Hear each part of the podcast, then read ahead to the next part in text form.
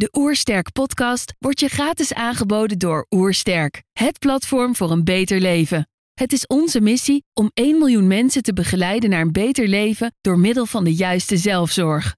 Wil je weten hoe jij kunt werken aan een beter leven? Ga dan naar www.oersterk.nu gezondheidscheck voor onze gratis gezondheidscheck en krijg direct jouw uitslag met persoonlijk advies. Mijn naam is Huub ter Haar.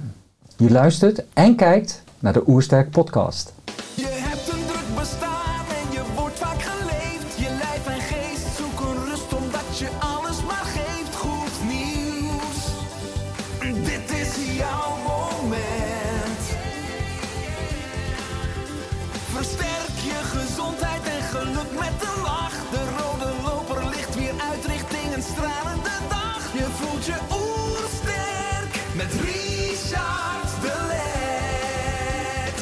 We zijn hier in Heemskerk voor een podcast met Huub ter Haar. Huub is theoloog, lichaamsgericht therapeut en innovator. Hij is auteur van het boek Lijfkracht, sleutel tot ontspanning, heling en ruimte. Ik ben benieuwd naar zijn tips voor een beter leven. Trouwens, geniet je van onze podcast? Abonneer je dan en laat een reactie of review achter. Zo help je ons om het gezondheidsvirus te verspreiden. Let's start. De Oersterk Podcast. Een ontdekkingstocht naar een beter leven. Huub, welkom. Dankjewel. Op je website staat de vervreemding voorbij. Voor veel mensen knelt onze manier van leven. Hoe komt het dat een derde van alle inwoners in Zuid-Limburg diabetes type 2 heeft? Hoe kan het bestaan dat een kwart van alle studenten ernstig eenzaam is? Hoe kan het dat bijna alle insecten bedreigd worden? Dat zijn signalen die te denken geven. Ik zie het als tekenen van vervreemding. Velen zijn vervreemd van zichzelf, goed voedsel, de ander en hun leefomgeving. We zijn te ver meegegaan in comfortprikkels, systeemdenken, winstbejag en schaarste denken. Ik wil helpen om die vervreemding op te heffen door anders te kijken. Huub, hoe kunnen we anders of beter kijken? Wow, wat een vraag. Eén kleine correctie. Een derde in Zuid-Limburg heeft niet diabetes, maar ook prediabetes. Dus een metabole systeem Ja. is helemaal ontregeld. En de onderzoekers van de Universiteit van Maastricht hebben ook aangegeven dat ze verwachten dat het voor de rest van Nederland niet anders is. Dus als je erover nadenkt, dan hebben we het over één chronische aandoening, is een derde van alle Nederlanders al helemaal ontregeld en uit balans. En die balans die, eh, die ik zie, ja, dat heeft ook te maken met mijn lange weg die ik heb gelopen door theologie en communicatie, lichaamswerk, systemisch werk.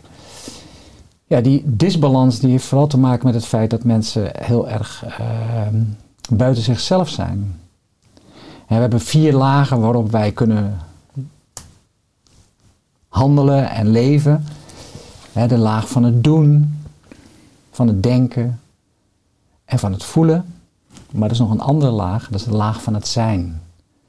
En heel veel mensen die zitten vooral in het doen en in het denken. En dat zijn allemaal uitgaande bewegingen.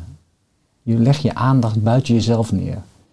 En dus kun je heel moeilijk contact maken met dat wat eenheid geeft en wat evenwicht geeft.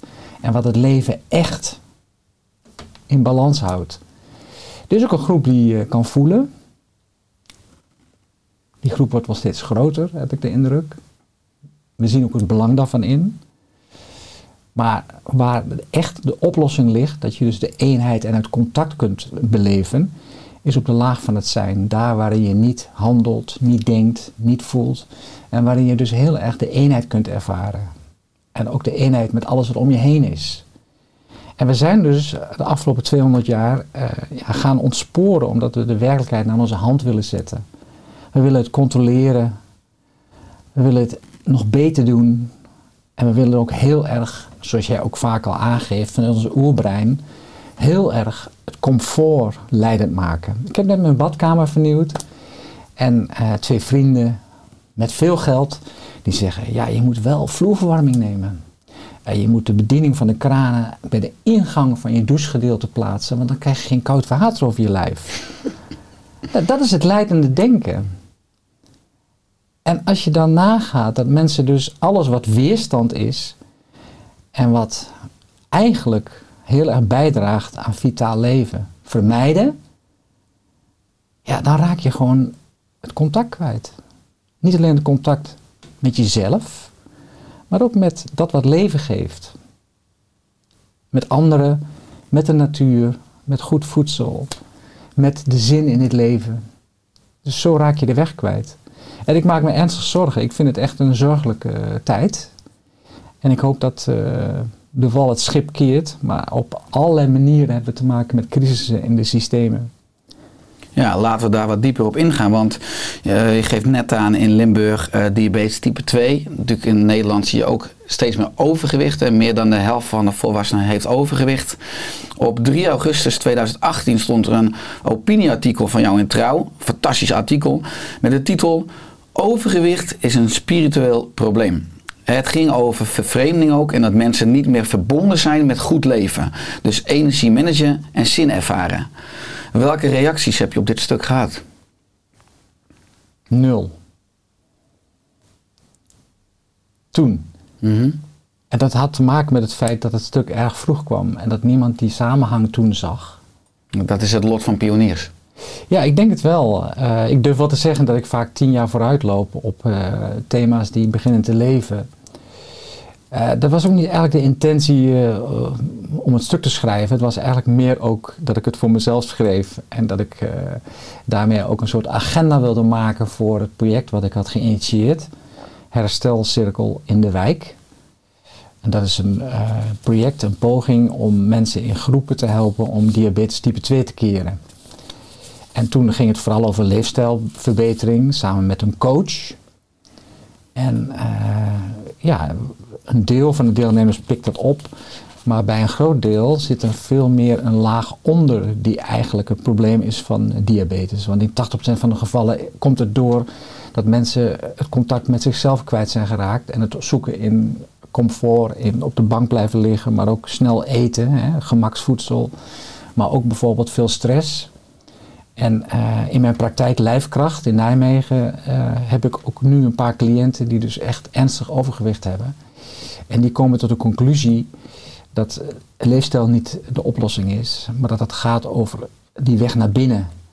Hè? Als jij bijvoorbeeld eh, in je jeugd uit evenwicht bent geraakt, want we hebben allemaal twee kernbehoeftes als jong kind. Dat is hechting en authentiek willen worden. En die hechting, als die verstoord wordt, dan gaan mensen, eh, kinderen al mechanismes ontwikkelen om toch op een of andere manier die hechting te ervaren. Want we zijn allemaal op zoek naar verbondenheid en veiligheid. En als dat dan niet lukt, dan ga je dus dat zoeken bij anderen. En dan ga je dus patronen ontwikkelen, waardoor je voortdurend weg bent. Dus je voelt niet meer, je ervaart niet meer wat goed voor je is. Qua voeding, qua ontspanning. En dan ook diepe ontspanning. Hè? Want we hebben een cultuur gecreëerd waarin ontspanning heel erg op prikkels gebaseerd is. Om dopamine. Ja, precies. En diepe ontspanning is dat je daadwerkelijk alleen maar in die laag van het zijn kunt verblijven. Hè, In mijn praktijk hoor je dan mensen zeggen: Ik had het gevoel dat ik zweefde. Of eh, ik voelde elektriciteit door mijn lichaam gaan. Of ik voelde een onzichtbare hand. En dat zijn mensen die dan 40 jaar gespannen zijn geweest. Ja, maar dat vind ik mooi. Want je beschrijft ook in dat artikel in Trouw, de vervreemding die tekent zich ook af in het zoeken naar oplossingen buiten jezelf. Zoals de medicus, tabletten, het afvalprogramma of de therapeut. Ja, Er zitten dus echt alle antwoorden in jezelf. ja, ja. Kijk, als jij bezet bent door ehm, eh, emoties die een lage frequentie hebben, dan eh, kun je dus heel erg dat ook projecteren op wat je in het leven allemaal ziet en wilt zien en wat je doet. Kijk, voor mij bestaat eh, een balans als het gaat over jouw spirituele behoeftes uit eh, drie aandachtsgebieden. We hebben allemaal de behoefte aan veiligheid, aan hechting en aan trouw. En dan kunnen we onze vleugels uitslaan. Maar als die behoeftes onder druk staan, dan gaan we niet naar binnen met onze aandacht, maar dan gaan we dat buiten onszelf zoeken. En wat nou het mooie is, die drie behoeftes zijn gerelateerd aan de drie basisgevoelens. Als je onvoldoende veiligheid ervaart, dan komt de angst op. En heel veel mensen gaan hun angst managen. In plaats van dat ze die helemaal toelaten en voelen. Het emotioneert me nu dat ik erover spreek, omdat het mij ook heel erg heeft bepaald. Ik heb heel lang allerlei angsten gekend. En dat is ook systemisch uit de, de familie waar ik vandaan kom. Maar ook omdat ik zo lang in mijn hoofd heb gezeten. Ik wilde alles controleren. Ja, want als ik kijk naar jouw werk, je groeide op in Twente, Ja, hè, op de boerderij, hè, Ja. als jongste van tien kinderen. ja. En je wilde vooral al heel vroeg weten wat er in de wereld speelt. Ja, dat begon al eh, toen ik op mijn 14 of 15e in die eh, kerk zat, midden in dat kleine dorp. En ik moest er elke week verplicht naartoe en ik zag elke week dezelfde 300 uitgestreken gezichten. En ik vergeet dat nooit meer. Het was echt een contrastervaring. Dat kwam heel sterk binnen. Ik dacht, wat doen die mensen hier? Wat zoeken ze hier? Zouden ze dan iets kunnen vinden? En als ze dan iets vinden, wat is dat dan? En toen is mijn zoektocht begonnen. Die zoektocht, die, als ik terugkijk, die werd zo gedreven. Dus ik ben ook eh, naar Nijmegen gegaan, ook om te vluchten, want ik eh, wist al heel vroeg dat ik op mannen val. En eh, dat kon ik in die tijd totaal niet eh, delen. Men wist niet eens wat het woord homoseksueel betekende. Ik heb het zelfs in een woordenboek moeten opzoeken op de middelbare school. En ik had een uitvlucht. Als men aan mij had gevraagd wat zoek je, dan zei ik homeopathie. Dat was ook bij de H en de O. Dus zo slim was ik geworden, maar dat geeft dus een ontzettend sterk controlemechanisme. En in Nijmegen ben ik het gaan zoeken in de theologie. Daar ging ik nog meer in mijn hoofd wonen, want de academische opleiding is ontzettend cognitief. Dus de ervaring en de doorleving, die kon je daar niet echt vinden. Terwijl je dat wel zou zeggen, dat je heel erg die zingeving, dus heel erg ja, die onzichtbare hand ging opzoeken dan. eh. Nee, totaal niet. Het, ja, 1500 pagina's eh, dogmatische theologie brengt je nog meer in je hoofd. Je leert analyseren, samenvatten, hè, deduceren. Maar het brengt je niet echt bij je kern. En daarna ben ik gaan zoeken in de communicatie, de verbindende kant. Maar ik ontdekte in het vak, ik ben ook een bedrijf begonnen in de communicatie, dat daar heel veel wordt opgepoetst en mooi gemaakt. En er wordt ook gelogen. En dat noemen we dan communicatie. Dus daar heb ik niet kunnen vinden. Wat zeg je? Marketing, ja. Ja, Ja, precies. Ja, ja want eh, je bent auteur van het boek Lijfkracht. Hè? Ja. En daarin schrijf je, aansluitend op wat je nu zegt, ik wist al vroeg dat ik anders was. Ja. Ik heb lange tijd proberen te ontkennen dat ik me aangetrokken voelde tot jongens. Ja. Dit geheim kon ik met niemand delen. Dat gaf een onveilig gevoel. Ik sloot me af en dekte mijn geheim zo goed mogelijk toe. Langzaam trok ik me terug in mijn hoofd. S'avonds in mijn bed bad ik tot de Almachtige dat ik zou genezen. Er ontstond daardoor geen oplossing voor mijn verlangens. Ontkenning en schaamte waren het gevolg. Zo negeerde ik een groot deel van mezelf. Immers, ik wilde niet anders zijn. Ik voelde de angst dat ik er niet bij hoorde. En aan de andere kant droomde ik ervan om mezelf te zijn. Ik was verscheurd.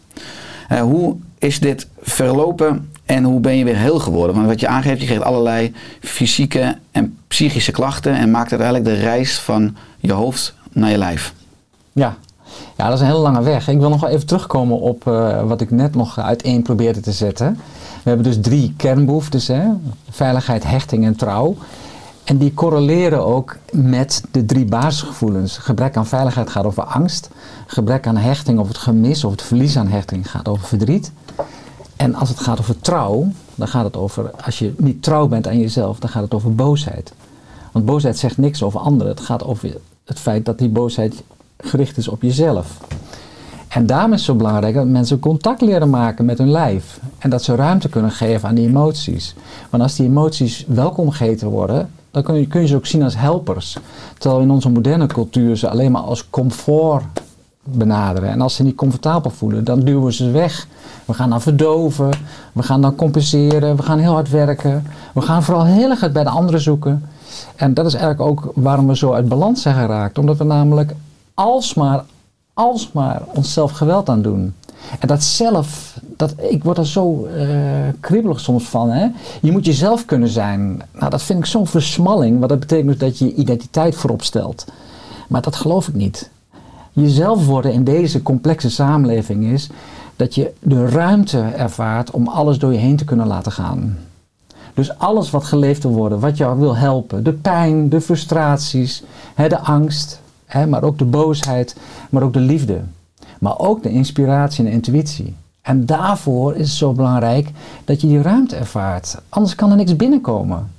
En dat is ook wat we gewoon zo kwijt zijn geraakt. Mensen kopiëren elkaar, mensen lopen anderen na. We denken dat het allemaal uniek zijn, maar dat is totaal niet meer het geval, omdat we massaproducten producten zijn geworden.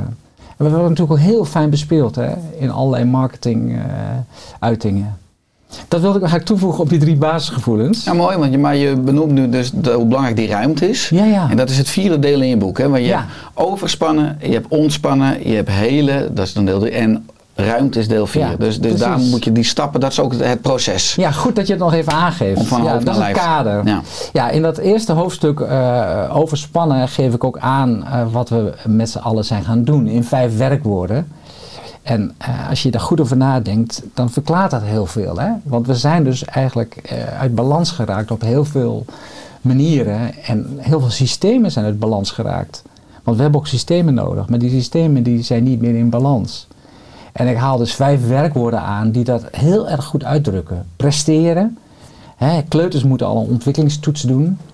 Nou ja, als je het hebt over eh, middelbare scholen en eh, universiteiten en hoger onderwijs. Het is echt vreselijk. De helft heeft mentale problemen. We zijn echt een opgejaagde samenleving geworden. En dan vervolgens moeten we alles beheersen. Alle processen. Het is niet toevallig dat ik veel medisch specialisten als cliënt in mijn praktijk ken, omdat zij namelijk vastlopen in het beheersen van de protocollen, de verantwoording, eh, alle richtlijnen. Ze zijn bang om fouten te maken. Er zijn zoveel juristen al aangesteld bij academisch medische centra, omdat die die claims moeten afwikkelen. Die defensieve geneeskunde. Ah, hou op. Nou ja, en vervolgens dan eh, zie je dus dat mensen ook eh, heel veel vasthouden. Dat is het derde werkwoord, hè, om het even kort te schetsen. En vasthouden heeft niet, alleen te maken met bezit en met status. Dat vinden we ook moeilijk hè, om dat los te kunnen laten. Heel veel mensen worden daardoor heel erg geleefd. Hè? Alsmaar grotere auto's en weer een nieuwe badkamer en vier keer per jaar op reis. Ah, ik word er heel moe van. Maar vasthouden heeft ook te maken met emoties. Als je veel wonden hebt opgelopen in je leven en iedereen loopt die op. En je kunt daar geen contact mee maken, omdat je namelijk denkt dat het te, te groot is. Maar dat is het probleem niet. De uitdaging is, de uitnodiging is om ruimte te scheppen voor de emoties die eromheen zitten. Dus dat vasthouden, dan kom ik weer terug op die drie basisbehoeftes en drie basisemoties, leidt ertoe dat mensen dus eigenlijk gewoon een soort lege kopie van zichzelf worden. En daar lopen ze achteraan. Nou, en als dat dan allemaal gebeurt, dan gaan we compenseren. We zoeken het in alcohol, in verdovende middelen, in medicatie. Een miljoen Nederlanders slikt zware pijnstillers. Een miljoen Nederlanders, moet je je voorstellen. Terwijl dat bedoeld is voor drie, vier dagen. Dat, dat, dat geloof je toch niet? En we zijn het gewoon gewoon normaal gaan vinden. Nou ja, en vervolgens zijn we met z'n allen aan het verzwakken. En je hebt er al zo vaak ook over gesproken. Hè, meer dan 10 miljoen Nederlanders hebben chronische aandoening. Dat heeft hier ook mee te maken. Ja, en terug naar jou. Hoe heeft Ja. dat bij jou geleid tot misschien ook het oplossen van jouw fysieke en psychische signalen of klachten? Ja, ik heb heel lang gedacht dat ik de angst was. En daar heb ik dus zo op geacteerd. Ik kreeg hyperventilatie. Ik heb op de hartafdeling gelegen om een ECG te laten maken. Eh, ik dacht dat ik zou sterven. Ik reisde eh, met een trein eh, en dan ging ik uitzoeken waar de ziekenhuizen waren. Ik durfde niet meer over bruggen te fietsen.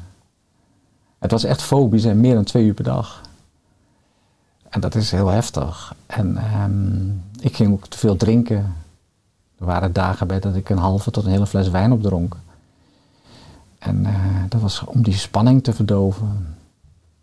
En uiteindelijk heb ik na heel veel eh, ja, stations eh, de aandacht voor mijn lijf ontdekt. En dat was echt eh, ja, zeer ontroerend. Ik heb ontzettend veel gehuild toen. ik voel het nu weer.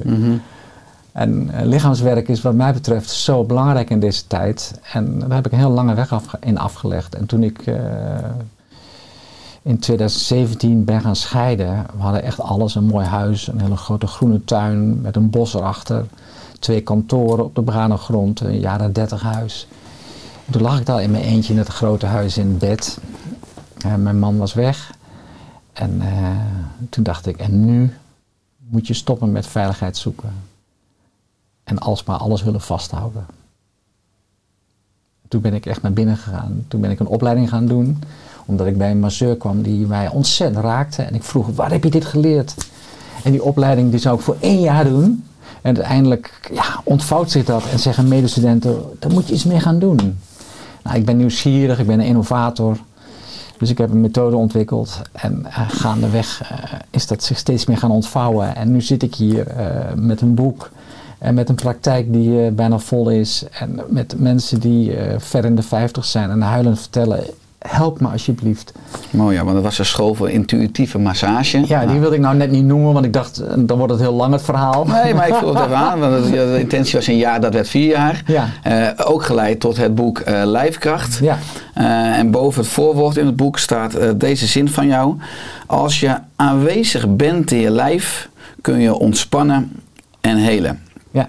Dus is het als collectief de uitdaging dat we als mensen maar, de vervreemding met ons eigen lichaam opheffen. En dat er dus ook uh, nou, begeleiders, uh, tools geboden worden om dus weer de verbinding, om de, om de vervreemding op te heffen. Ja, één woord wat ik dan uh, graag wil corrigeren. Het is niet de verbinding met je lichaam. Hè. Er wordt vaak gezegd, je moet vrienden worden met je lijf. In je maar. Dat is, ja, precies. Want dat suggereert een soort instrumentele benadering. Hè? Alsof wij hier een sturende instantie hebben en daar hebben we ons lijf. En dan moet ik vrienden mee worden. Ik zeg het ook ergens in mijn boek. Hè? De uitdaging is en de uitnodiging is om helemaal in je lijf te zijn. En dat is zo belangrijk omdat je dan namelijk kunt komen tot diepe ontspanning en aanwezigheid. Kijk, we hebben een miljarden cellen. En die cellen die kunnen alleen maar zichzelf herstellen als ze ontspanning ervaren. Er moeten gifstoffen worden afgevoerd, afvalstoffen van de verbranding, nieuwe energie opgenomen worden. En als je niet kunt ontspannen, mensen komen bij mij, gaan op tafel liggen en dan zeg ik, hoe voel je je? Ja, heerlijk ontspannen. En dan voel ik via mijn intuïtie dat de kuiten bijvoorbeeld heel gespannen zijn of er zit spanning in de rechterschouder. En dan kijk ik ook systemisch, en als het allemaal aan de rechterkant is, heeft vaak ook met de vatenlijn te maken, met willen controleren, naar buiten gaan. En uh, dan doe ik nog niks. En nadat ik contact heb gemaakt en vertraagd en de ademhaling heb gesynchroniseerd, mijn ademhaling en de ademhaling van de cliënt, dan ga ik bijvoorbeeld naar de kuiten en dan auw! Of mensen beginnen eens te huilen. Zij zijn zich niet eens bewust van de spanning. Daar hebben ze geen contact mee. En dat is echt, vind ik, uh, ook het verontrustende. Dit, dat is die vervreemding waar we mee begonnen.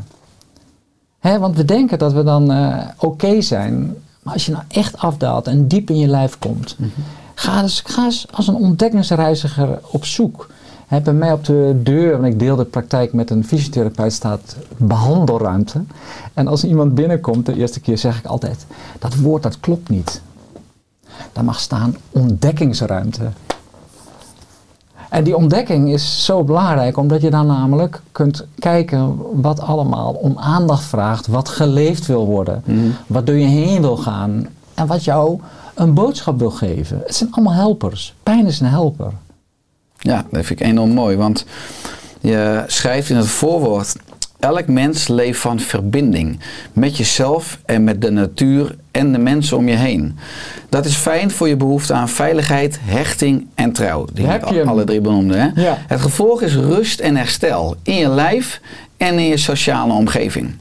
Nou, ik denk dat het duidelijk is, ook als je nu kijkt naar de gezondheidscrisis, of misschien wel een soort essentiële crisis die we nu als mensheid ervaren, dat we veel meer uh, de verbinding in onszelf mogen vinden. Mhm. Wat zou jij doen als minister van Lijfkracht? Oh, daar komt de vraag. ik zou uh, heel veel um, gaan investeren in um, dat wat huidcontact en diepe ontspanning bevordert. Ik zou uh, bijvoorbeeld op scholen ook een ruimte maken waar leerlingen uh, aangeraakt kunnen worden. Huidcontact is zo wezenlijk. En dan wel op een veilige, prettige manier. Hè? Want we hebben natuurlijk daar ook een heel circus omheen gebouwd. Dat weer door angst wordt gedreven. Een elftalbegeleider van een voetbalelftal mag niet in zijn eentje in de kleedkamer zijn met de pupillen. Dat is toch van de gekken? Ik ben ook leidertrainer geweest al zeven jaar. Ja. Ja, Ja. dat is alleen maar wantrouwen. Een zorgverlener mag de patiënt niet omhelzen of aanraken. Dat is toch de vervreemding ten top? En er zijn tal van voorbeelden, hè? hoe docenten ook heel snel gesued worden, vervolgd worden en verdacht gemaakt worden. Dat gaat niet meer uit van vertrouwen. Dus daarom is huidcontact zo belangrijk. Want huidcontact met heldere afspraken en in een hele goede setting geeft mensen het gevoel dat ze weer thuiskomen. Dat ze kunnen ontspannen. Dat het gaat stromen. En dat is zo belangrijk, want als het stroomt, dan doe ook de goede dingen. Maar niet omdat je handelt naar de verwachtingen van anderen of de eisen die het systeem stelt. Of omdat de angst zo leidend is gemaakt en niemand in de gaten heeft. We zitten eh, te overleggen met de leden van onze Vereniging van Eigenaren. En het gaat over een eh, grote investering. En dan zegt een van de andere leden: Ja, we moeten een rechtsbijstandsverzekering afsluiten. Want oh als er wat misgaat. Gaan we dan nog uit van vertrouwen? Gaan we uit van echt contact? Nee. We zijn op voorhand al meteen het negatieve, de risico's, de zwarte scenario's aan het volgen. Hè, je hebt nu een radioreclame, eh, die loopt al heel lang, Very Sure. En die zegt dat je een bewakingssysteem Ja. moet installeren. En waarom? Omdat je buurman het ook heeft. Dat is natuurlijk de marketing eh, catcher.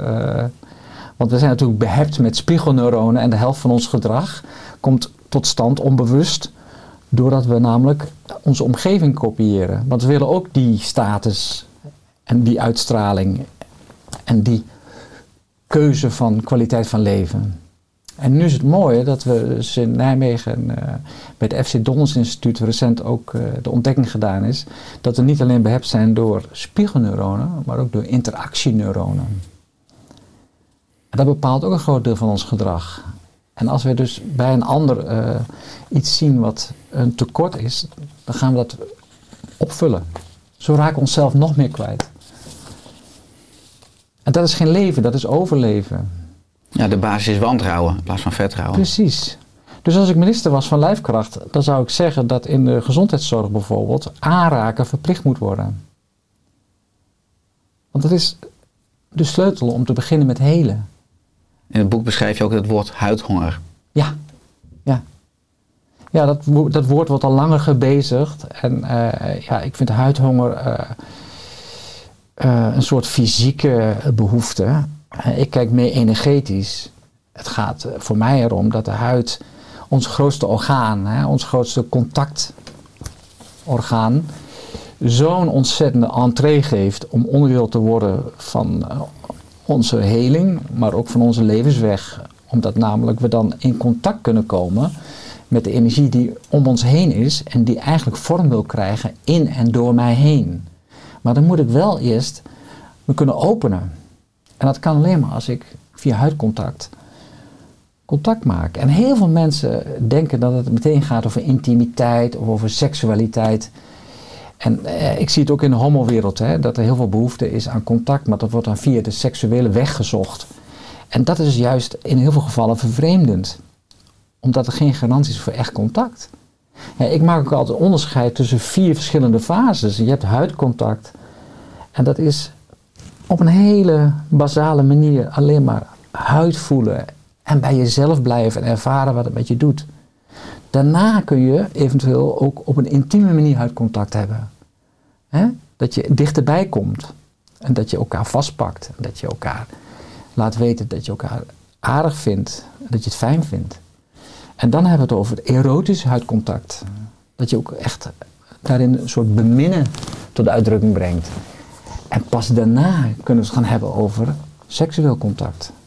En dat is het vieren van de diepe verbinding, waarin je dus ook onderdeel wordt van een veel groter veld. En waarin de ontroering en de verwondering en de overgave leidend worden. En dat is zo'n mooie ervaring. Dan kom je in een, ja, een bereik waarin alles samenvalt. En dan is seksueel contact ook helend. Zeker, ik zeg altijd seks is voor mij veel meer de sympathicus en de liefdebedrijf is veel meer de, wat, eh, is, is parasympathicus. Dat, Ja. dat is helend, dat is een belangrijk onderscheid. Ja. Eh, je gaf net aan dat je al jong wist en voelde dat je op jongens valt, Ja. dat je anders bent. Eh, je hebt mogen bijdragen ook aan het agenderen van het onderwerp homo-acceptatie in de sport, in de topsport. Onder andere door het boek Gelijkspel, portretten van homo-topsporters. Hoe was dat? Dat was echt een eh, bizarre achtbaan, want eh, ik had nooit de intentie om dit onderwerp zo breed op de agenda te zetten. Maar toen mijn boek uitkwam en ik het had aangeboden aan Louis van Gaal, er waren toen 50 journalisten uit binnen- en buitenland, geeft aan wat voor lading er op dat onderwerp zit. En het boek is mislukt, want ik wilde 11 topsporters en die 11e een voetballer. Die kon ik toen niet vinden. Die durfde niet. Nee, ik heb met verschillende voetballers toen ook contact gehad. En allemaal ontkennen en afhouden. We zijn wel wat verder, want de eerste profvoetballers die ook actief spelen in diverse leagues, in Engeland onlangs ook en in Schotland en ook in Australië, die zijn nu ook echt uit de kast gekomen. Maar dat vind ik echt nog niet zo interessant. Het gaat veel meer over die omgeving die zo onveilig is. En dat heb ik toen keihard ervaren, want samen met de John Blankenstein Foundation heb ik toen het onderwerp kunnen agenderen met onderzoek onder profvoetballers. Maar ook met eh, mediacampagnes. Ik ben ook in heel veel televisieprogramma's geweest en radioprogramma's. En Job Blankenstein was een homo-scheidsrechter. Ja, ja, ja. Oud scheidsrechter die homo was. En eh, zijn zus Karin heeft dat toen eh, opgepakt. En heeft dus een foundation opgericht, de John Blankenstein Foundation. En daar zijn we samen aan de slag gegaan. We waren echt een goed tandem. Maar al heel snel eh, werd duidelijk hoeveel weerstand er is. En macho-cultuur binnen met name de mannelijke teamsportbonden. Eh, de KNVB, eh, ja, ik heb daar nog steeds wel een wond over. Eh, als ik daar kwam, eh, dan werd ik gewoon eh, eigenlijk een beetje op afstand gehouden. Zo van, wat kom je hier doen? Hè, en achter mijn rug om werd er dan gezegd dat ik een ruilnicht was. Terwijl het mij helemaal niet ging over het hijsen van roze vlaggen. Ik kwam daar om te kijken hoe je de omstandigheden kunt verbeteren, waardoor iedereen kan meedoen en iedereen plezier heeft en zich kan ontwikkelen. Inclusief. Ja, precies. Dat is de essentie. En dan moet het niet gaan over die homoseksuele identiteit. En eh, ja, op een bepaald moment eh, hield de KNVB ook wel heel erg af. En werd ook heel erg vanuit het merk gedacht. Hè? Niet te veel aandacht aan het onderwerp besteden. En toen heb ik ook een keer in een interview gezegd dat ze te weinig eh, proactief waren. Ja, en toen werd ik op een bepaald moment ook als niet gewenst beschouwd in Zeist. Dus dat geeft aan in wat voor spanningsveld je staat en eh, wat er nog eh, moet gebeuren. En dit is een, eh, ja, een issue waar ik altijd al van wist dat het 30 jaar gaat duren om dat te veranderen. En ik denk dat verandering ook in dit opzicht begint bij vrouwen. Verandering begint heel vaak bij vrouwen. Die gaan nu het bespreekbaar maken binnen voetbalverenigingen. Want die mannen zeggen, we hebben toch een vertrouwenscontactpersoon. En we hebben toch alles goed geregeld. Heb je 1100 leden en dus niet één van de jongens is openlijk homoseksueel. Of van de mannen. En die vrouwen denken, ja maar hoe kan dat nou? Daar moeten we iets mee. En dat zie je nu bij de KNVB ook. Gelukkig is er nu een kentering, maar er is nu een vrouwelijke directeur. En de sensitiviteit voor het onderwerp neemt toe. Maar goed, je moet wel met elkaar spreken over de liefde voor de sport. En niet om eh, maximaal homo te kunnen zijn en allemaal roze vlaggen te hijsen. En dat besef, dat bewustzijn, dat moet nog langzaam eh, indalen. Dus we hebben nog zeker eh 15 jaar te gaan. Mhm. Ja, maar de revolutie is in gang. In ieder geval, dus dat- dat is Ja, ik zou zeggen evolutie. de Het evolutie. is een heel langzame Ja, ontwikkeling. Ja, dat duurt echt heel lang. Mhm. Ja, aan de andere kant, wat je net ook aangeeft, is dat eh, in de gezondheidszorg nou, er te weinig aandacht is ook voor emoties. Dat we vooral het heel erg fysiek aanvliegen, wat ik ook ervaren heb in mijn opleiding. In eh, het boek schrijf je, in school en werk en ook in de omgang met familie en vrienden is er onvoldoende ruimte voor gevoelens. Zoals angst, verdriet of boosheid. Hè, die drie eenheden die je ook net noemt. Ja. 60 jaar geleden kon je je zorgen en angsten kwijt in de kerk bij de pastoor of de dominee. Hij gaf aandacht, hij kon je verhaal doen, eh, nam de zonde weg en beloofde verlossing. Die tijd is niet meer. We richten ons nu tot de gezondheidszorg. De wachtkamers zitten vol met zieke en ongelukkige mensen. Behandelaars moeten de klacht verhelpen, zonder dat er voldoende tijd en aandacht is om naar de onderliggende samenhang te kunnen kijken. Het aantal behandelaars, hulpverleners en coaches is geëxplodeerd. Niettemin zijn de wachtlijsten in de GGZ lang. En de jaren wachten op een behandeling is al lang geen uitzondering meer. Eh, wie gaat ons redden? Zeg ik, zeg ik dat in mijn boek of is dat jouw Dat vraag? is mijn vraag. Wie gaat ons redden? ik bedoel, want het is wel, ik was vroeger echt een optimist. Ik schreef oersterk. Ik dacht, ik ga de wereld veranderen. En, en, hè, en ik ga die ziektecijfers toen in eh 2011 5,3 miljoen mensen chronisch ziek. Nou, in 2022 is 10,2. Ik dacht, ik ga die lijn ombuigen. Nou, ik ben ook wel meer een realist geworden. Dus ook als ik dit zo lees in deze context, dacht ik, ja, wie gaat ons redden? We moeten natuurlijk onszelf redden, maar Mhm. hoe, hoe kijk jij naar dat, ook eh, die evolutie als collectief bijna in deze context? Ja, dat is een hele complexe opgave en ik heb daar niet een pasklaar antwoord op. Eh, ik denk dat eh, er maar één redding is en dat is de weg naar binnen. Dus niet de systemen. En ook niet het geld. En ook niet de snelle fix. Je ziet het ook weerspiegeld in bijvoorbeeld de verdeeldheid onder huisartsen. Hè? Huisartsen zijn overbelast, voelen zich het afvoerputje van de zorg. Dat heeft ook te maken met die poortwachtersfunctie, waarin toen werd gezegd dat zij de draaischijf zijn. Maar daar zijn ze flink in vastgelopen. En eh, ik vind dat heel veel huisartsen echt spiritueel in armoede leven. Want zij zijn zich gaan richten op protocollen, op afspraken met verzekeraars, op patiëntgerichtheid. Ze zijn zo hulpvaardig geworden dat ze zichzelf aan het verliezen zijn.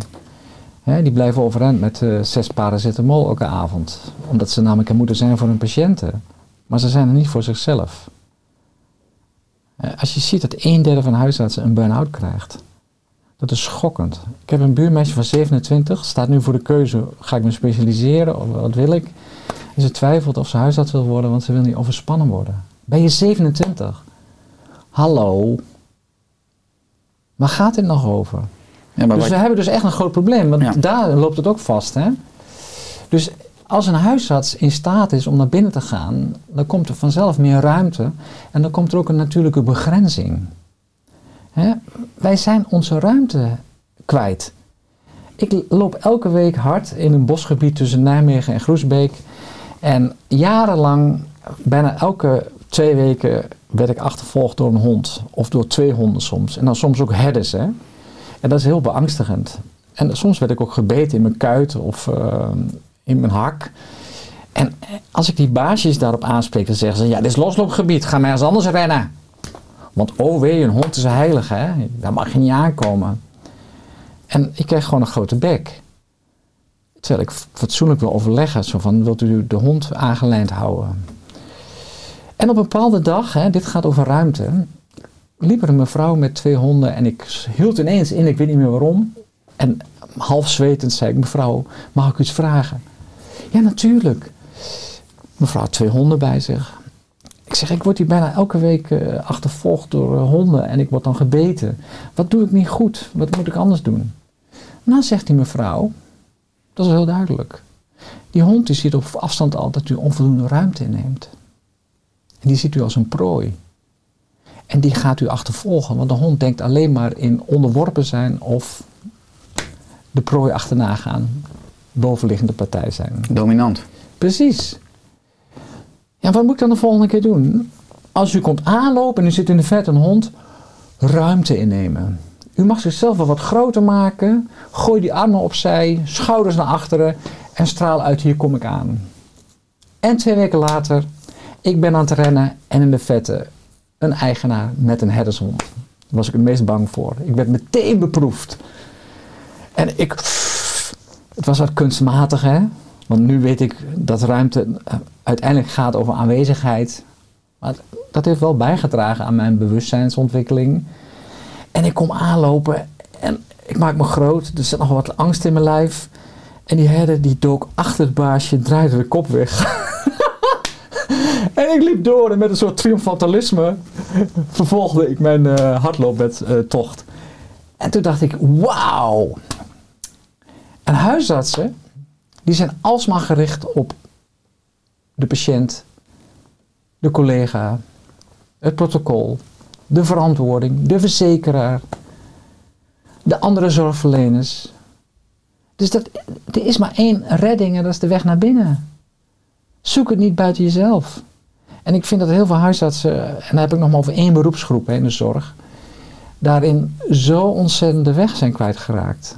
Ze zitten te bakkeleien. Hoort leefstijl nou bij onze kerntaken of moeten we ons concentreren op curatie? Maar dat is de discussie al lang niet meer.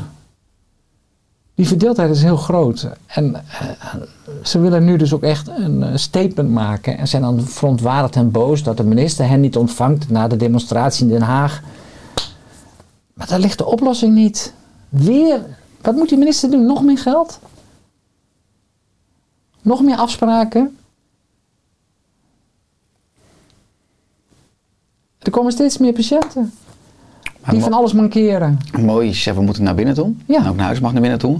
En het grappige is dan, vanuit de geneeskunde hebben we natuurlijk de, het lichaam naar allerlei specialisaties. In het hoofd, in de, in de psychiatrie. En in, dus lichaam en geest zijn gescheiden. Nou, dat Ja. benoem je ook in het tweede deel van je boek. Hoe kwam dat? Lichaam en geest uit elkaar getrokken hebben. Dan gaat dat teruglezen dat de vierde eeuw voor Christus door Plato. Ja, En dat het christendom dat het later ook heeft omhelst en uitgebouwd. ja. Ja, want eh, in de eerste eeuw van het christendom, en nu spreek ik ook even als theoloog, was de dominante stroming de gnostiek. En de gnostiek gaat uit van eenheidsdenken. Er is maar één weg om God te leren kennen. En God is dan niet een meneer met een baard op een wolk. En ook niet een of andere grote instantie met allemaal waarheden. Maar God is de scheppende en creërende kracht die vorm wil krijgen. En waar we verantwoordelijkheid voor mogen gaan dragen. Maar dan moeten we wel eerst de weg van de zelfkennis bewandelen. En dat is wat de gnostiek is. Dat was de dominante stroming.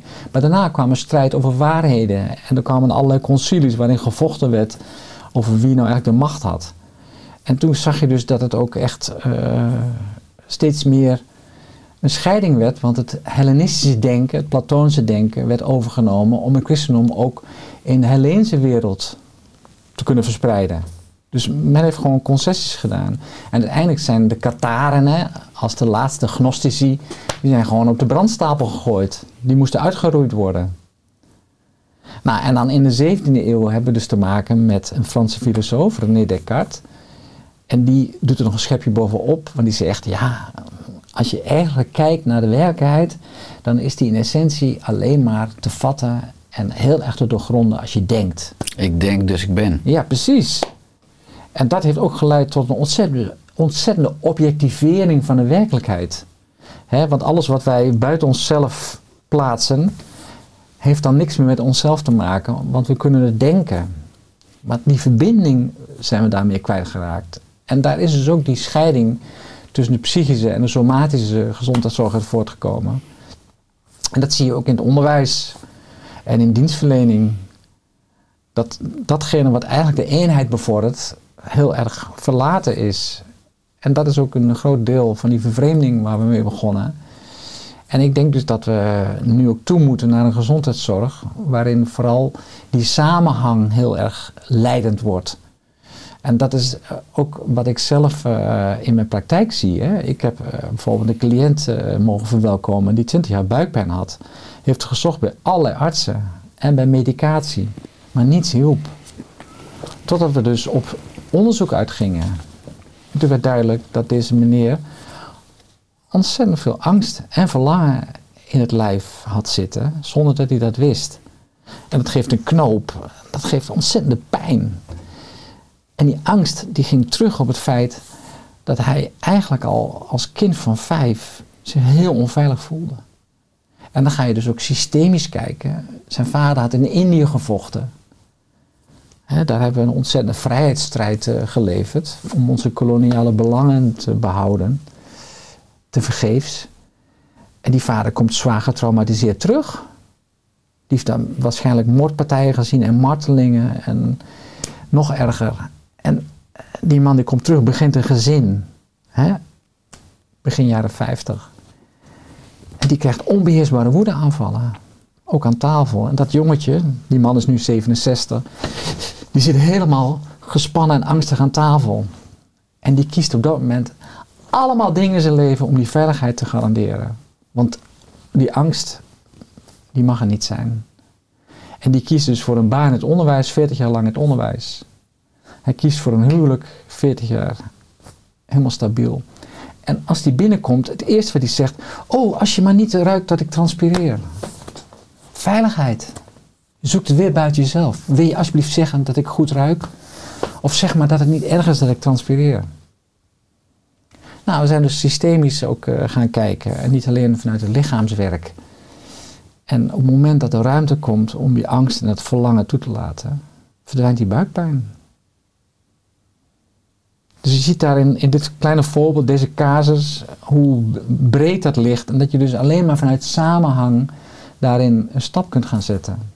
Ja, het treffende is ook dat je het hier ook hebt over diepe ontspanning. In plaats van die Precies. oppervlakkige ontspanning. Ja. Ik plan een uurtje vrij en ik ga lekker op het strand Nee, wandelen. hij gaat wel naar musea, maar dat is, dat is niet wat hem daarin helpt. Gaat diepe ontspanning altijd vooraf aan heling. En als je dus onderuit gaat, chronische stress altijd vooraf aan disbalans of ziekte. Ik denk dat diepe ontspanning nodig is om eh, de emoties die opgeslagen liggen te kunnen transformeren in emoties met een hogere energie. Hè, dus angst, boosheid en verdriet. Die mogen zich omvormen in liefde, vertrouwen. Die schaal beschrijf je ook in je boek, Ja. inderdaad, die emotieschaal van, eh, van Hawkins. Hawkins, ja. En eh, die transformatie is één, dus dat wat opgeslagen ligt. Maar twee is, diepe ontspanning is ook nodig om je bewust te worden van patronen die je ontwikkeld hebt. Om weg te blijven van je echte kern en ook van de emoties die erin opgeslagen liggen. En ik vind, het menselijk lijf is zo fascinerend mooi. Hè, ik heb al gezegd, het is een magazijn van emoties. Als je iets heftigs meemaakt, dan sla je ze op. Maar je moet er wel weer opnieuw contact mee kunnen maken. Ik ben vorig jaar verhuisd, het was heel stressvol. Het was de dag van het overlijden van mijn geliefde. De eerste dag was ook heel emotioneel. Ik heb zijn moeder gebeld, was super emotioneel. En dag later gaat een hele goede vriendin waar ik twee keer per week contact mee heb, plotseling dood. Het was te veel. En gelukkig, ik heb een magazijn.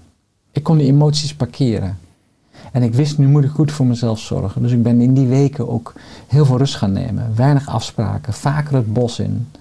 Wandelen, niet meteen weer gaan rennen. Vertragen, in bad gaan liggen. Knuffelen. En zes weken later kreeg ik ineens RSI-klachten. Ik zat gewoon achter mijn computer. En er was niks veranderd aan mijn werkplek. En ik had niet echt heel veel stress. Toen wist ik, ha, de emoties gaan zich melden. Ze willen naar buiten. Welkom. Welkom angst. Welkom verdriet. Ik voel het nu weer. En op het moment dat ik dat toelaat en die diepe ontspanning ervaar, zak ik en voel ik ook een ontzettende vermoeidheid. En toen wist ik, je komt weer thuis. Je kunt weer diep ontspannen. Ik weet niet waarom dit nu, nu zo me emotioneert. Misschien omdat wij gewoon eh, heel veel goed contact hebben, dat voel ik nu. Maar dit is wel wat ik ook wil laten zien. En dit is helend, omdat ik dan ook dat wat mij zo ontzettend uit balans bracht, kon transformeren. En ik voel nu een ontzettende dankbaarheid dat ik die lieve vriendin heb leren kennen, waar ik zo'n goede band mee had. En ik voel ook heel veel dankbaarheid voor mijn overleden geliefde, want die heeft me heel veel gebracht. Ondanks de achtbaan die we samen hebben doorgemaakt. Hij is ook een inspirator geweest om dit boek te schrijven. Omdat hij een voorbeeld is van iemand die zo lang al zijn emoties, eh, zijn angsten en zijn verlangen heeft onderdrukt. En daar heel ziek van geworden is. En uiteindelijk daardoor ook het leven gelaten heeft. Dus het is voor mij ook een ontzettende opdracht om duidelijk te maken aan wie het wil weten. Ga er alsjeblieft mee aan de slag. Maak die reis naar binnen. Zoek die diepe ontspanning op. En heet alles welkom. Want het wil je helpen. Het wil je niet ondermijnen. Ja, mooi. Ik, eh, we kennen elkaar al jaren, wat je betreft. Ik vind je een eh, enorm mooie kerel, een mooie man op veel niveaus. Eh, ook veel mensen die nu luisteren of kijken, die zitten in de achtbaan van het moderne leven, zijn aan de rennen, aan de racen. Je beschrijft heel mooi in het boek ook hoe we vastgezette emoties hebben in ons lijf, maar ook vooral in ons bindweefsel. Hoe kunnen we die je beschrijft over het bos, je beschrijft over een warm bad, je beschrijft over de stilte, over doorvoelen, over emoties welkoms heten. Hoe kunnen we, ook voor de mensen die luisteren of kijken, die vastgezette emoties bevrijden? Wat zijn ook goede, je, zegt natuurlijk naar binnen toe. Eh, wat zijn eh, goede ook eerste stappen voor eh, mensen die nu nog vol eh, in dat hoofd eh, aan het overleven zijn in de maatschappelijke ratrace? Ja. Nou, misschien kan ik een mooi voorbeeld geven. Een eh, oncoloog eh, was cliënt. Inmiddels is die eh, weer op eigen houtje verder. En die heeft volle dagen, volle bak, veel emoties. En komt thuis en irriteert zich aan zijn kinderen. Want die zijn zo druk. En heeft even gewoon geen behoefte. En wil dus eigenlijk stilte. Maar dit is precies wat mensen dus dan instinctief doen. Dan willen ze dus het op afstand houden. Maar de kunst is om de verbinding mee te maken. Ik heb voorgehouden, als je thuis komt, haal een van de kinderen naar je toe en ga even lekker knuffelen. Neem de tijd voor. Je zult zien dat je zelf rustiger wordt. En het kind ook, want het kind was te druk in zijn ogen. En je zult zien dat je meer in je lijf komt en dat je meer kunt ontspannen. Dus begin met het zoeken van de verbinding. Ook al is het een buurvrouw. Ik had een buurvrouw op leeftijd die nu in een eh, verpleeghuis zit. En ze was licht dementerend. Op een bepaald moment stond ze wat ontredderd op straat. Ik zeg, eh Teki, eh, is het goed dat je even aanraak? Hè, bij vreemden of bij mensen die wat verder weg zijn. Dan is het goed om daar even toestemming voor te vragen. Om dat even af te stemmen. En toen zei ze ja. En ik legde een hand op haar schouder en ik streelde zacht haar rug. Ze was wat ja, ontzet en de weg kwijt. Want ze wist niet meer of ze nog een glas wijn ging drinken bij een eh, vriendin of dat ze naar huis wilde. En je zag dat ze helemaal rustig werd. Toen zei ze, wat fijn. Dankjewel. Dus zoek die verbinding. En dat kan heel klein. Als je terugkomt van je werk en je komt thuis en je bent helemaal vol. Ga gewoon even rustig zitten met z'n tweeën op de bank. En je hoeft alleen maar een hand op elkaars knie te leggen. En voel maar eens wat het doet. Zoek maar eens het contact. Zoek het contact met je broers en zussen. Bij ons thuis was het totaal geen knuffelcultuur. En ik hoef niet al mijn broers en zussen te knuffelen. Maar er is nu wel veel meer ruimte gekomen. We worden allemaal ouder en kwetsbaarder. Ik ben de jongste van tien. Het is gewoon heel fijn om elkaar te omhelzen en te voelen dat de liefde kan stromen. En dat geeft zoveel verbinding. Er zit zo'n warme band onder. En daar kun je dus op gaan koersen. En niet op dat wat je hoofd eigenlijk als eerste je aanreikt. Maar laat me. Ik doe het wel alleen. Ik heb niemand nodig. Want dat noem ik in mijn boek ook het isolisme. Hè? We hebben er bijna een heilige overtuiging van gemaakt dat we autonoom en individueel moeten zijn. En dat we onze expressies moeten volgen. En dat we vooral onafhankelijk moeten blijven. Dat is heel erg vanuit een tegenstelling gedacht. Ik heb er zelf ook heel lang in geloofd. Hè? Ook vanuit een emancipatiestreven. En dat je het allemaal zelf moet weten en allemaal zelf moet kunnen doen. Maar dat is doodlopend. Dus ik, ik pleit echt voor eh, zoek het contact op. En als je wat verder wilt, kijk dan of je prettige vormen kunt vinden waarin je echt wat langer elkaar kunt aanraken. Zonder een intentie. Want dat is ook zo'n lading hè, bij mensen die langer bij elkaar zijn. Dat ze zeggen, ja, het droogt zo op. Er zit zo'n sleet in onze eh, relatie. Maar dan slaan mensen grote stappen over. Omdat ze niet meer het echte contact via hun lijf met elkaar kunnen vinden. Want ze denken dat ze moeten presteren. Want je moet toch wel twee keer per week seks met elkaar hebben, hè? minimaal. En anders is je relatie niet goed. Maar daar zit het helemaal niet in.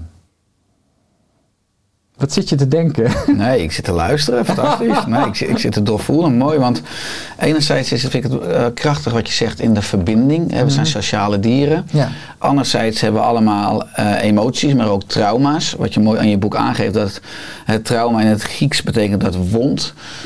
Hoe kunnen we ook misschien veel meer die trauma's ook uitnodigen? Omdat ons oerbrein wil weg van de pijn. Dus houdt ons ook weg van de oplossing. En Ja. daarom blijven we misschien ook wel in ons hoofd rennen, omdat we niet durven Ja. af te dalen in dat lijf. Ja. ja, ik denk niet dat dat de vraag is. Het gaat niet om de wond. Het gaat om de emoties die we daarin opgelopen hebben, om het te kunnen aanvaarden, om die te verruimen. Aan, ik zeg ergens in het boek ook van je bent al heel. En helen begint met het aanvaarden, het verruimen en heel worden. Dus als je de emoties rond zo'n wond, we, maken, we krijgen allemaal wonden. Het hoeft niet alleen, niet alleen zomaar schokkend en heftig te zijn. Hè? Dat je bijvoorbeeld je niet gezien voelt als kind is ook een wond. Mhm. En ga, ga daar eens naar kijken en aanvaard dat en verruim dat. Dus laat de emoties toe, maar ga ook zien welke patronen jij ontwikkeld hebt om daarvan weg te blijven. Ik heb heel lang in gesprekken bijvoorbeeld de vragen gesteld, want dan kon ik de ander op afstand houden. En ik was ook echt een soort roodbosje die elke zes seconden keek of er ergens gevaar was. Dat doen roodbosjes, hè? Die willen overleven. En die zijn natuurlijk als eerste aan de beurt als ze uit het nest vliegen, want de helft wordt meteen opgevroten. Door eksters en door andere roofdieren, tussen aanstekens. En ik was ook zo'n rood bosje. Maar dan ben je dus alleen maar aan het scannen. Ja, dat is mooi, want het, wat je nu... Dus dat is een patroon, hè? Ja, En dat patroon dat maakt dat je dus ook eh, voortdurend eh, omgang met anderen wilt controleren. als overlevingsmechanisme. Ja, dat is een van- overlevingsmechanisme. Vanuit, vanuit vrijheid, vanuit, vanuit die heelheid, vanuit die liefde. Ja, als je bijvoorbeeld hebt geleerd om te pleasen, omdat je namelijk heel veel aandacht eh, hebt gemist. Je ouders waren er niet, hè? Er zijn heel veel ouders zijn er gewoon niet voor hun kinderen. En dat vind ik echt een, eh, ook een uitwas van deze tijd. Het, is, culmineert, het is een soort vicieuze cirkel. Ja, dan eh, ga je natuurlijk eh, die aandacht halen en dan ga je bijvoorbeeld overmatig pleasen. En daar kun je heel ver in komen. Hè? En een medisch specialist die heel erg kan pleasen, die past helemaal in het systeem. Maar die doet precies alles zoals het gewenst is. Maar die is zichzelf al lang kwijt die raakt helemaal uit balans. Iedereen vindt hem leuk, hij is geliefd. Ja, precies. Maar hij loopt aan zichzelf voorbij, gaat over zijn grenzen en raakt vervolgens overspannen en krijgt een burn-out. En ik heb nu ook een medisch specialist als cliënt, die is al acht maanden in een burn-out. Ze heeft haar haar verloren omdat haar immuniteit verzwakt is. En de, de, eh, collega's van de maatschappij zeggen, ja, je moet binnen een jaar herstellen, anders vlieg je eruit. Dat is de wereld die we met, met elkaar hebben gebouwd. Dus als jij eh, tot verruiming wilt komen, dan gaat het niet over een tegenstelling. Ik moet dat pleasen loslaten, ik mag niet meer pleasen. Nee, hoe kun je dat pleasen verruimen? Hoe kun je dat nou verrijken? Door bijvoorbeeld iets meer achterover te leunen. Ga maar eens een spreekuur beginnen, s ochtends als oncoloog, met het voelen van je rugleuning. En wacht maar eens af wat er gaat gebeuren. Hoezo patiëntgericht? Dat is een doodlopende weg. Dat klantgericht denken is ook doodlopende weg. Dat is misschien wel leuk als verhaal. Hè? Dit is een eh, elektronica leverancier in Nijmegen. En op dinsdagmiddag komt er een mevrouw van verder in de 80 en die wil een wekkerradio. En die jongen die er werkt, die denkt ik moet cliëntgericht zijn. Klantgericht. Dus die pakt de wekkerradio uit de verpakking en die legt alle knopjes uit aan die mevrouw. En die mevrouw is helemaal oh, tevreden, helemaal goed behandeld. Nou, ze rekent eh 29,95 af en ze verlaat tevreden het pand. En daar komt het. Op zaterdagmiddag worden de hoogste omzetten gehaald. Er zijn klanten voor televisies van meer dan 1000 euro en eh, stereosystemen. En die mevrouw die komt de winkel in, want één knopje was ze vergeten wat het ook alweer was. En ze sluit keurig in de rij aan. En het lot wil dat als ze aan de beurt is, ze diezelfde jongen treft. En ze zegt, oh meneer, u heeft me zo goed geholpen, maar dat ene knopje, wilt u nog even uitleggen wat het is? En die jongen weet het even niet, die moet dus in die gebruiksaanwijzing ook kijken en die gaat lezen. En die rij achter die mevrouw, die wordt steeds langer. En er staan mensen met eh 2.000, 3.000 euro omzet. En eh, die jongen die krijgt helemaal benauwd, want die denkt, ik moet toch klantgericht zijn? En die zoekt net zo lang totdat hij dat knopje vindt. Maar vervolgens zijn er al een paar klanten weggerend. En die denken, laat maar zitten, dat duurt allemaal veel te lang. Hup, 10.000 euro omzet weg. Ja, dat is dus niet klantgericht. De uitdaging is om relatiegericht te worden. En als je medisch specialist bent, dan doe je die relatie goed door achterover te leunen en te kunnen ontvangen. En dat achteroverleunen betekent ook dat je met je aandacht in je lijf begint en blijft. En dat je voelt. Ik ben nu met jou in gesprek en ik voel me hier in mijn buik, voel ik een lichte opwinding en ook eh, verbinding. En dan blijf ik ook bij mezelf. En dan kan er ook een mooi contact ontstaan. Ja, want je zegt, je bent al heel. Hè, dat is waar je het einde van het hoofdstuk eh hele mee afsluit. Ja, Dan schrijf je, aan het eind van dit hoofdstuk wil ik mezelf en jou voorhouden dat je van oorsprong al goed en heel bent zoals je bent. ja, Heel is herinneren hoe je weer één kunt worden met jezelf. Met alles wat je hebt meegemaakt en hoe je je tot nu toe hebt ontwikkeld. Heel worden is geen strijd leveren met dat waar je last van zegt te hebben, maar een doorgaand proces van aanvaarding, verruiming en eenwording. Die weg draagt bij aan een beter evenwicht en meer vitaliteit en levenslust. Is dat ook de levenskunst dus voor ieder mens om dit te voelen? ja, die tekst heb ik dus wel zes keer nagelezen. Toen dacht ik, heb ik dat geschreven?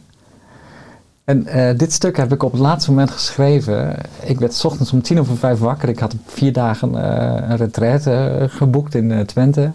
Om te combineren met eh familiebezoek en een hardloopwedstrijd. En eh, ik werd om tien over vijf wakker en om half zes zat ik dus 's ochtends te typen. En ik zag mijn vingers en ik denk, wat gaat er toch allemaal door me heen? Ken je dat precies? Zeker, ja zeker. Ik denk, waar komt dat allemaal vandaan? En precies deze tekst is, de- wat mij betreft, de kern van het boek. Ja, alsof het door je heen stroomt inderdaad. De, Ja. de vraag is natuurlijk van, eh, of schrijven je vingers of schrijf ik? Ja. Ja, ja, dat was echt een fascinerend proces. Maar aanvaarden, alles wat hè, door me heen wil gaan, dat je dat welkom heet. Dus ook alles wat je meegemaakt hebt in je leven, ook al je schaduwzijden en je wonden en alles wat jou eh, ja, soms ook wat ondeugend kan maken of wat jou eh, nog niet helemaal is uitgelijnd. Welkom. Hè, ook je verslavingsimpulsen, noem maar op. Want dat is belangrijk. En vervolgens dat je daarin kunt verruimen. Dus dat je niet gaat bestrijden of dat het allemaal anders moet. Maar dat je vanuit een groter perspectief kunt kijken en vervolgens niet meer in de tegenstelling schiet. Hè? Als iemand bijvoorbeeld eh, ontzettend verlangen heeft om voor zichzelf te beginnen, maar dan de angst leidend maakt. Nee, ik moet voor mijn kinderen zorgen. Ik heb een hypotheek. Hè? Ik heb heel veel zekerheden nodig. Je kent het. Ja, dan eh, ga je in de kramp. Dan ga je namelijk angst en verlangen als een tegenstelling hanteren. En juist in het verruimen gebeurt iets heel moois. Want als je namelijk ziet dat angst één bedding, één eh, zijkant is en verlangen de andere zijkant van een beek. En als je die twee goed onderhoudt, dan kan het water stromen. Dus daar zit de verruiming in. Die kunnen elkaar versterken. Die hebben elkaar nodig. Zodat je ook weet dat je het juiste midden houdt. En dan mag het wel wat kabbelen. En af en toe wat ruw gaan stromen. En soms mag het even stilstaan. Maar die beek, dat is waar het om gaat. En als jij dus een verslavingspatroon hebt. En wie heeft dat niet? Dan zoek je het buiten jezelf. En dan zit je ook in de tegenstelling te denken. Je denkt ook vaak in eh, het middel. Hè? Ja, ik mag maar eh, twee glazen wijn per dag. Nee, ik mag nog maar één glas wijn per dag. Maar daar gaat het helemaal niet om. Dan zoek je weer de strijd. Alsof dat glas wijn en ik eh, met elkaar een gevecht hebben aan te gaan. Totaal niet. En die verruiming betekent dat je dus op een veel bredere manier kunt gaan kijken wat bij jou hoort en waar jij je helemaal in op kunt gaan en waar je onderdeel van bent, zodat het vaker gaat stromen. En dan ga je die heelheidservaring ook eh, beseffen. Dus ziekte, ik heb in, eh, onlangs eh, COVID gehad, ik ben niet gevaccineerd. En eh, ik voelde dus diepe dankbaarheid en liefde en geluk. Dat klinkt heel raar. Ik had lichte klachten. Maar ook toen ik even bang was, want een nichtje van mij had het ook en die belde en zij projecteerde haar doodsangst op mij. En toen kreeg ik een half uur later ook even een doodsangst en die heb ik welkom geheten. En ik heb tegen mezelf gezegd, als ik nu doodga als gevolg van COVID, dan is dat helemaal prima. Dan komt er een andere vorm van leven, omdat ik veel groter ben en onderdeel ben van een veel grotere heelheid, eenheid. En ik heb eh, na één of twee dagen waren de klachten weg. En ik ervoer alleen maar overvloed. Ik moest wel al mijn afspraken afzeggen. Al mijn cliënten laten weten dat ik COVID had gekregen. Ik had het gekregen trouwens van een uh, cliënt, een medisch specialist, die dus besmet was. Terwijl hij wel zichzelf had uh, getest. Maar de dag later toch positief testen. En dat is prima. En er kwamen allemaal mensen in mijn omgeving die boodschappen voor me wilden halen en die zich bezorgd maakten. En dat was gewoon één grote liefdeservaring. Dat klinkt heel verheven, maar zo heb ik het beleefd. En dat is wonderlijk, want ik ben zo lang bang geweest voor de dood. Hè. Hyperventilatie is dat je eigenlijk wegrent voor de angst. En dus ontzettend bang bent om eh, de angst aan te gaan. En dat heeft bij mij zich geconcentreerd op doodsangst. En we hebben allemaal doodsangst. Maar dat kan ziekmakend zijn. Omdat je namelijk afscheidt en verzet en de strijd blijft aangaan. En omdat je niet leeft. Precies, ja. Dus je bent dan eigenlijk bang voor het leven. Mhm, maar wat is je missie of je droom voor aankomende jaren? Heerlijk om zo'n vraag te krijgen. Ehm, het is niet mijn missie. Het is net alsof dat dan een soort besluit is, hè? alsof ik iets moet neerzetten. Nee, er wordt een missie eh, eh, door mij heen ehm, gegeven waar ik ja op mag zeggen. En een vriend van mij, die, een goede vriend, die zei onlangs tijdens een driedaagse wandeling over de Veluwe. Van waarom weet je het allemaal nog? Waarom moet er nu weer nog weer een boek komen, je vijfde boek? Je kunt toch gewoon rustig aandoen, hè, nu je 61 bent. En eh, je hebt een praktijk die loopt lekker. je hebt geen financiële zorgen. waarom weet je het allemaal? En het enige antwoord na een lange avond vijf en zes is dat er een drive is die mij stuurt. En waar ik ja op te zeggen heb. Blijkbaar is dit mijn rol. Dus ik, er wil iets door me heen geleefd worden. Dat wil vorm krijgen om te delen met anderen. En uh, dit boek is uh, ja, de eerste van een trilogie. Want ik heb zelfs al binnengekregen uh, dat er nog twee andere boeken komen die ook hierover gaan. En die gaan dan over andere thema's. En op het moment dat die titels binnenkwamen en ook de ondertitels en zoals de inhoudsopgave, echt ongelooflijk.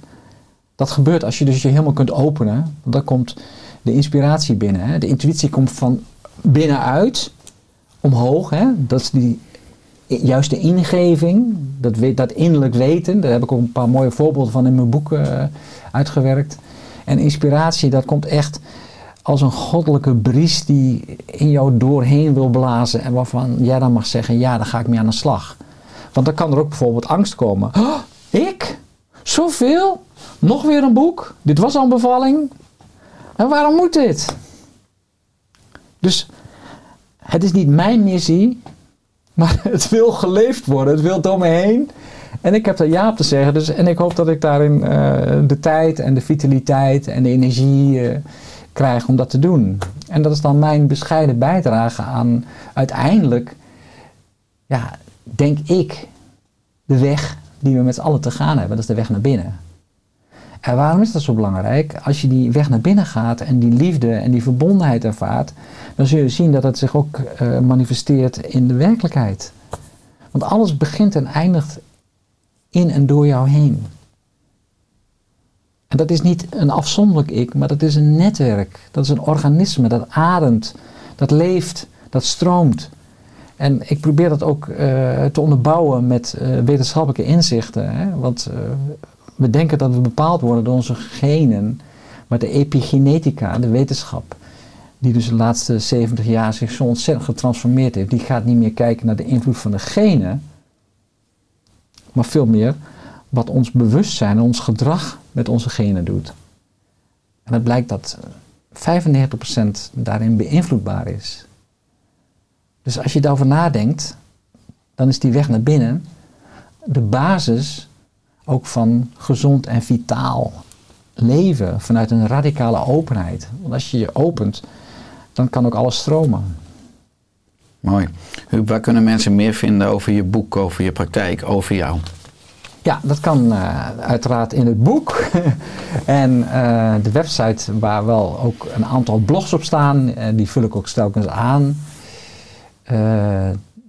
die heet lijfkracht.nu. Dus niet .nl, maar .nu. Net als oersterk.nu, hè? Ja, dat precies. Is, heb je een goede keuze gemaakt. goede extensie. en ik zag ook www.huubterhaar.nl. Ja, daar staat een, mijn levensverhaal op en wat ik in het verleden allemaal gedaan heb. Ik ben uh, communicatiestratege geweest en ik ben nu ook innovator. En dat is misschien ook wel een onderdeel van deze eh, ja, zoektocht. Ik ben ook heel nieuwsgierig. Dus die methode die ik ontwikkeld heb, die heb ik ook eh, wetenschappelijk willen, willen laten onderzoeken samen met Radboud UMC. En dan loop je dus tegen ontzettend veel systeemdenken aan. En toen dacht ik, daar ga ik niet meer aan beginnen.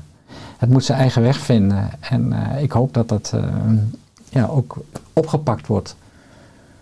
Dus eh, iedereen die daarin ook interesse heeft of ondersteuning behoeft, eh, meld je welkom. Ik ga er tijd voor vrijmaken. Mooi, nou die boodschap gaat via deze podcast weer tienduizenden hoofden en harten bereiken. Dus Huub, heel veel dank voor je komst in de Oerstek podcast. Dankjewel. Jij bedankt voor de gastvrijheid. Met liefde en dat we samen ook maar mogen bouwen aan een wereld met enorm veel lijfkracht. Gaan we doen. Dankjewel.